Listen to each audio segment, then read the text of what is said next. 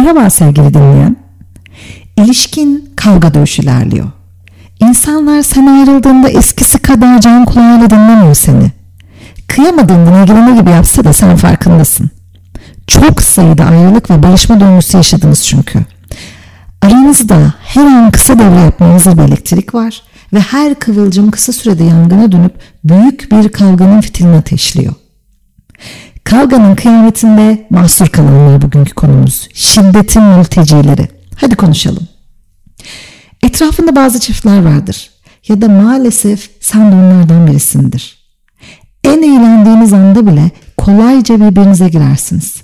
Her konu ama her konu tartışmaya çıktır. Tartışma da altında başlayan her şey büyük kavgalara dönüşür. Fikrini belirtmek, eleştiri yapmak zaten imkansızdır. Ancak diğerine hiçbir şey söyleyemeyecek hale gelirsiniz. Birbirinin nefes sesini takip eden ya da bir sohbette gülmesinden rahatsız olacak hali bulmanız çok kısa süre alır. Kavgalarınız sürekli hale geldiğinde çevreniz ara bulmaya ya da geçiştirmeye çalıştığından bir yerlere çağrılmamaya başlarsınız. Hırsınızı alamayıp ayrılsanız da sonrasında canım cicim olur barışırsınız. Ama o olumsuz elektrik bulutu hep havadadır. Siyahla beyaz gibi ayrı yönlere çektiğiniz ilişkiyi bırakmayı da istemezsiniz bir türlü. Ne ayrılabilir, ne bir arada durabilir, çevrenizden ümit kestirirsiniz. Bir çift neden ilişkisine bunu yapar? Neden sürekli kavga ediyorsun sevdiceğinle? En güzel zamanlardan korkunç anılar devşirmek neden? Öncelikle ilişkiye başlarken kendine söylediklerinden. Gördüğünü nasıl yorumlarsan ilişkinden beklentin de o yönde gelişir. Belki hayal kırıklığına sebep olan ilişkiye başlarken geliştirdiğin gerçekçi olmayan ön kabullerinden. Değiştireceğim diye başlayıp dönüşüm bile göremediysen öfke biriktirirsin. Birine gidersin, birini bulursun.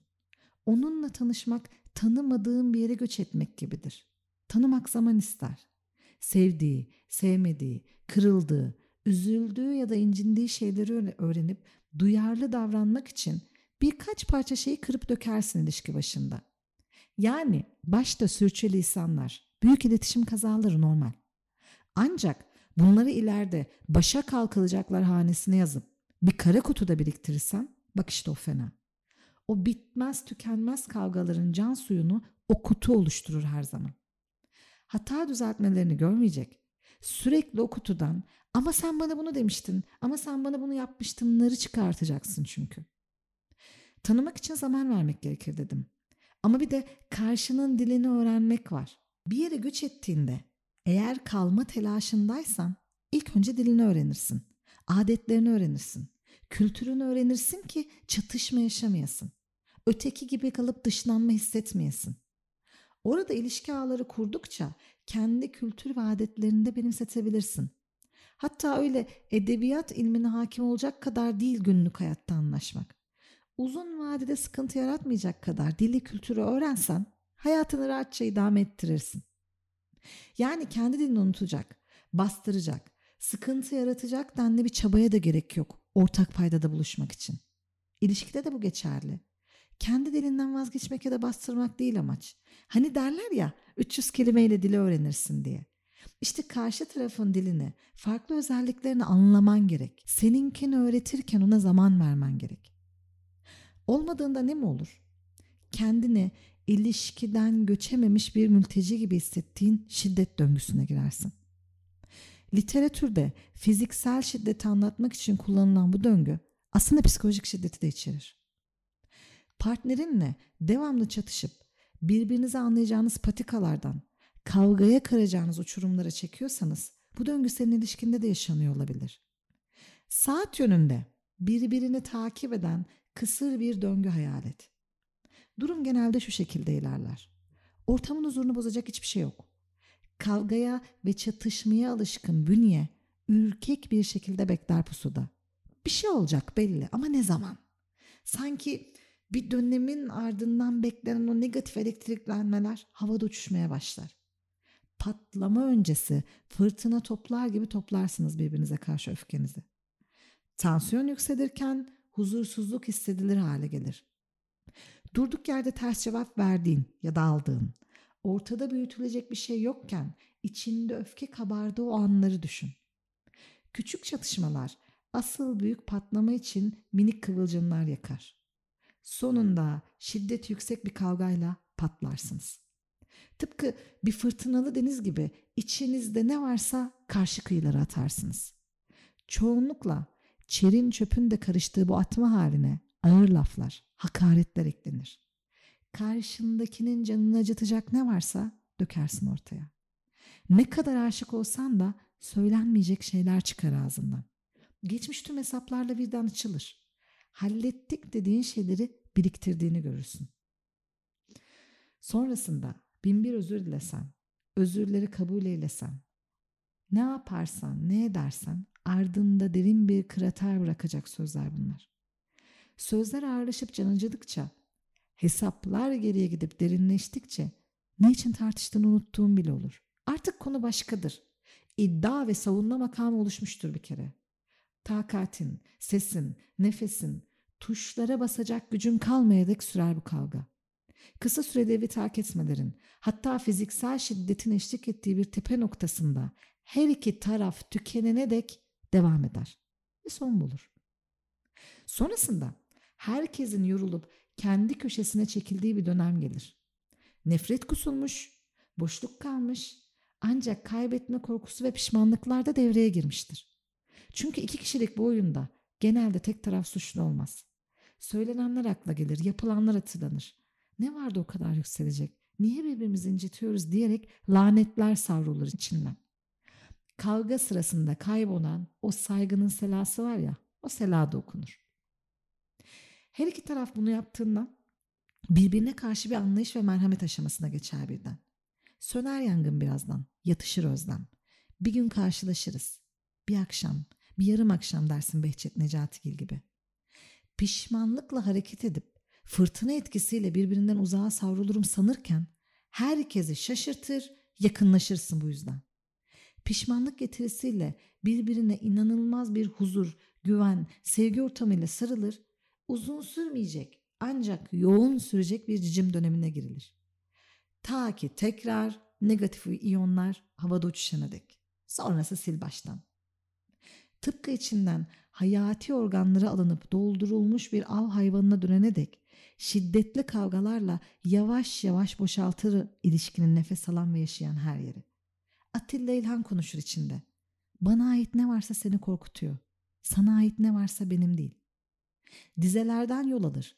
Bir sonrakine malzeme çıkaran her yeni kavgayla ilişkinin sonu ufukta görünmeye başlar gitgide.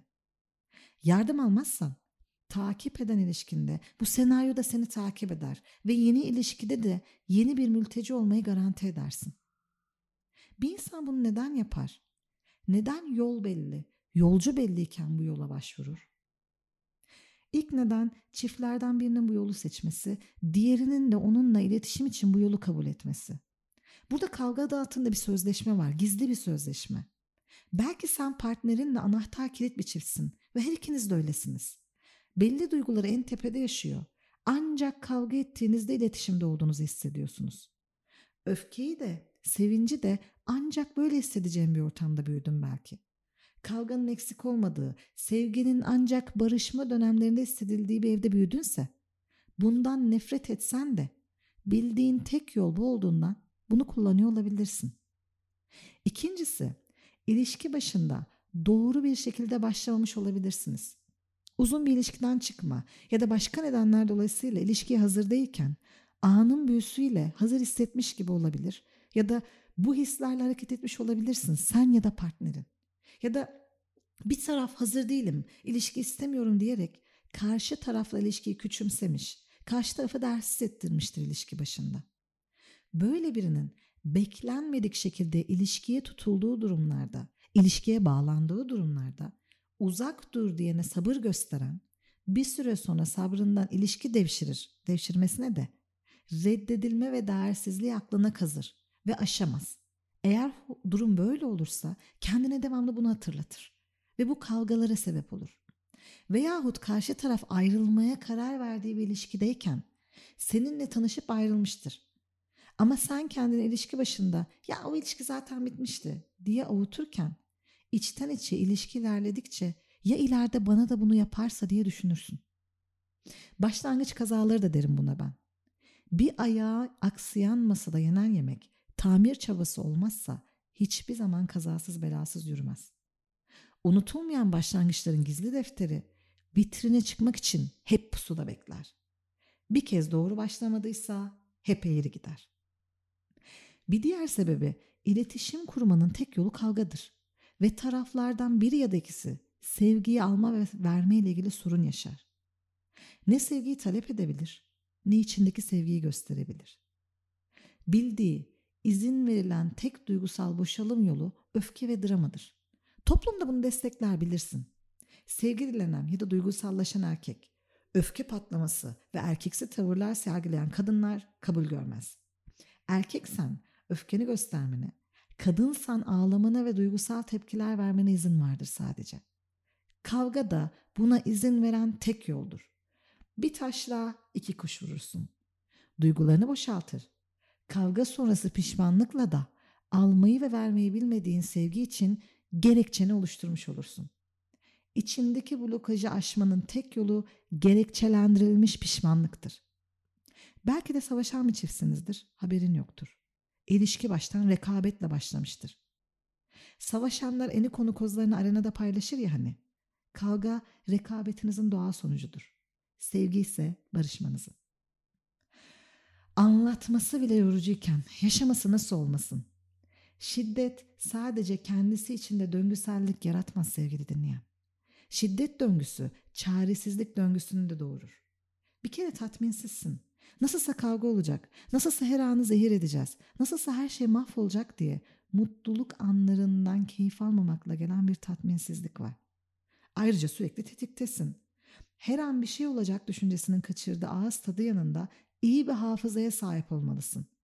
Çünkü fırtına geldiğinde hem gemin ayakta tutacak hem de karşıdaki kadar iyi bir yükü boşaltmaya hazır olacaksın. Ha bir de kendinden uzaklaşan kısmı var. Bunu çok iyi biliyorsun değil mi? Hani arkadaşlarına anlatırken ben böyle biri değildim diyen yanın. Öfkenin yarattığı kendini tanıyamama hali. Ayrıl barış döngüsünün içinde yarattığı erozyonu düşündün mü peki hiç? Sesler yükselmiş, cümleler ağırlaşmış, söylenmeyecek ağır raflar vitrine konmuş, bir de güzel parlatılmış. Sınırlar aşıldıktan sonra eski haline dönmenin zorluğundan bahsediyorum. O zorlukla gelen ben bu ilişkiyi bitiremiyorum farkındayım ama olmayacağından da eminim. Duygusunun verdiği inançsızlıkta cabası. O çaresizlikle bile bile ilişkiye devam ettiğin için bir gün mutlu olacağına dair yaşadığın inanç kaybı. Bitti mi? Tabii ki hayır. Yaşadığın ve yaşattığın duygusal, belki de fiziksel şiddetin eklendiği her yeni kavgada biriktirdiklerine yaslanıp şiddeti meşrulaştırırsan ne olacak peki? Verdiğin ve gördüğün şiddet meşrulaştığında mutluluğa inancını kaybeden kalbin her ilişkide kendisini tekrar eden bir kehanetin başrolüne yerleşecek. Ve sen kendini gerçekleştiren bu kehanetler içinde bir çaresizlik döngüsüne sıkışacaksın. Sonuç ağlama nöbetleri, gecelerce uyutmayan sinir, üzüntü ya da kırgınlık, depresyon, kontrolsüz öfke, ilişkilere dair kaybedilen inanç, iletişim sorunları hatta iletişimden kaçınma, tolerans düşüklüğü, aile kurmaktan korkma, asla tam anlamıyla sevildiğini ve sevdiğini hissedemediğin gibi yaşadığın duygusal yorgunluk. Neden yapıyorsun bunu ilişkine de kendine de bir sor. Büyümek yerine çocuk didişip bu kadar can acıtacak oyunlar kurmak neden? Maruz kalıp devam ediyorsan nedenlerini sorgula. Bak bir sürü neden saydım sana. Çünkü iletişim kurmuyor. İletişimde kalmak adına sadece yıpranıyorsun. Ayrıca iletişim kurmadığın gibi mücadele ediyorsun sadece. Mutlu olmak için girdiğin ilişki bir müsabaka sahasına dönmüş. Skorun ne olduğunun önemi yok. Göremiyorsun belki ama ikiniz de kaybediyorsunuz. Her durumda kavgasız kalmayı başarmak, sorunsuz ilişki yürütmek de problemli bir hal. Evet haklısın. İlla ki çatışacak. Anlaşamadığınız durumlarda bazen tahammülsüzleşecek. Belki de şiddetli tartışmalar yaşayacaksın. Sorun olmayan bir ilişki görüntüsü de gerçekçi değil. Ancak birbirinden parçalar kopararak beslendiğin ve her iki tarafı da tükenmeye götüren bir kavga ortamında ne kadar nefes alabilirsin? Ara verip şöyle bir kendine, ilişkine dışarıdan bakabilsen. Bunu bir denesen. Siz çiftsiniz, düşman değil. Her iki tarafın bas bas bağırıp karşı tarafın ne anlattığına bakmadan ötekinin suratına kendini öne çıkaracak şeyler attığı bir durumda ne olacak sence? Bir taraf çekip gitmez ya da susup ara vermezse nereye gidecek bu dalaşı? Bir an, sadece bir an düşünsen, sevdiğim dediğin kişinin yüzüne baksan, biz ne yapıyoruz ya deme molası verebilsen, o kadar anlamsız gelecek ki içinde bulunduğun hal.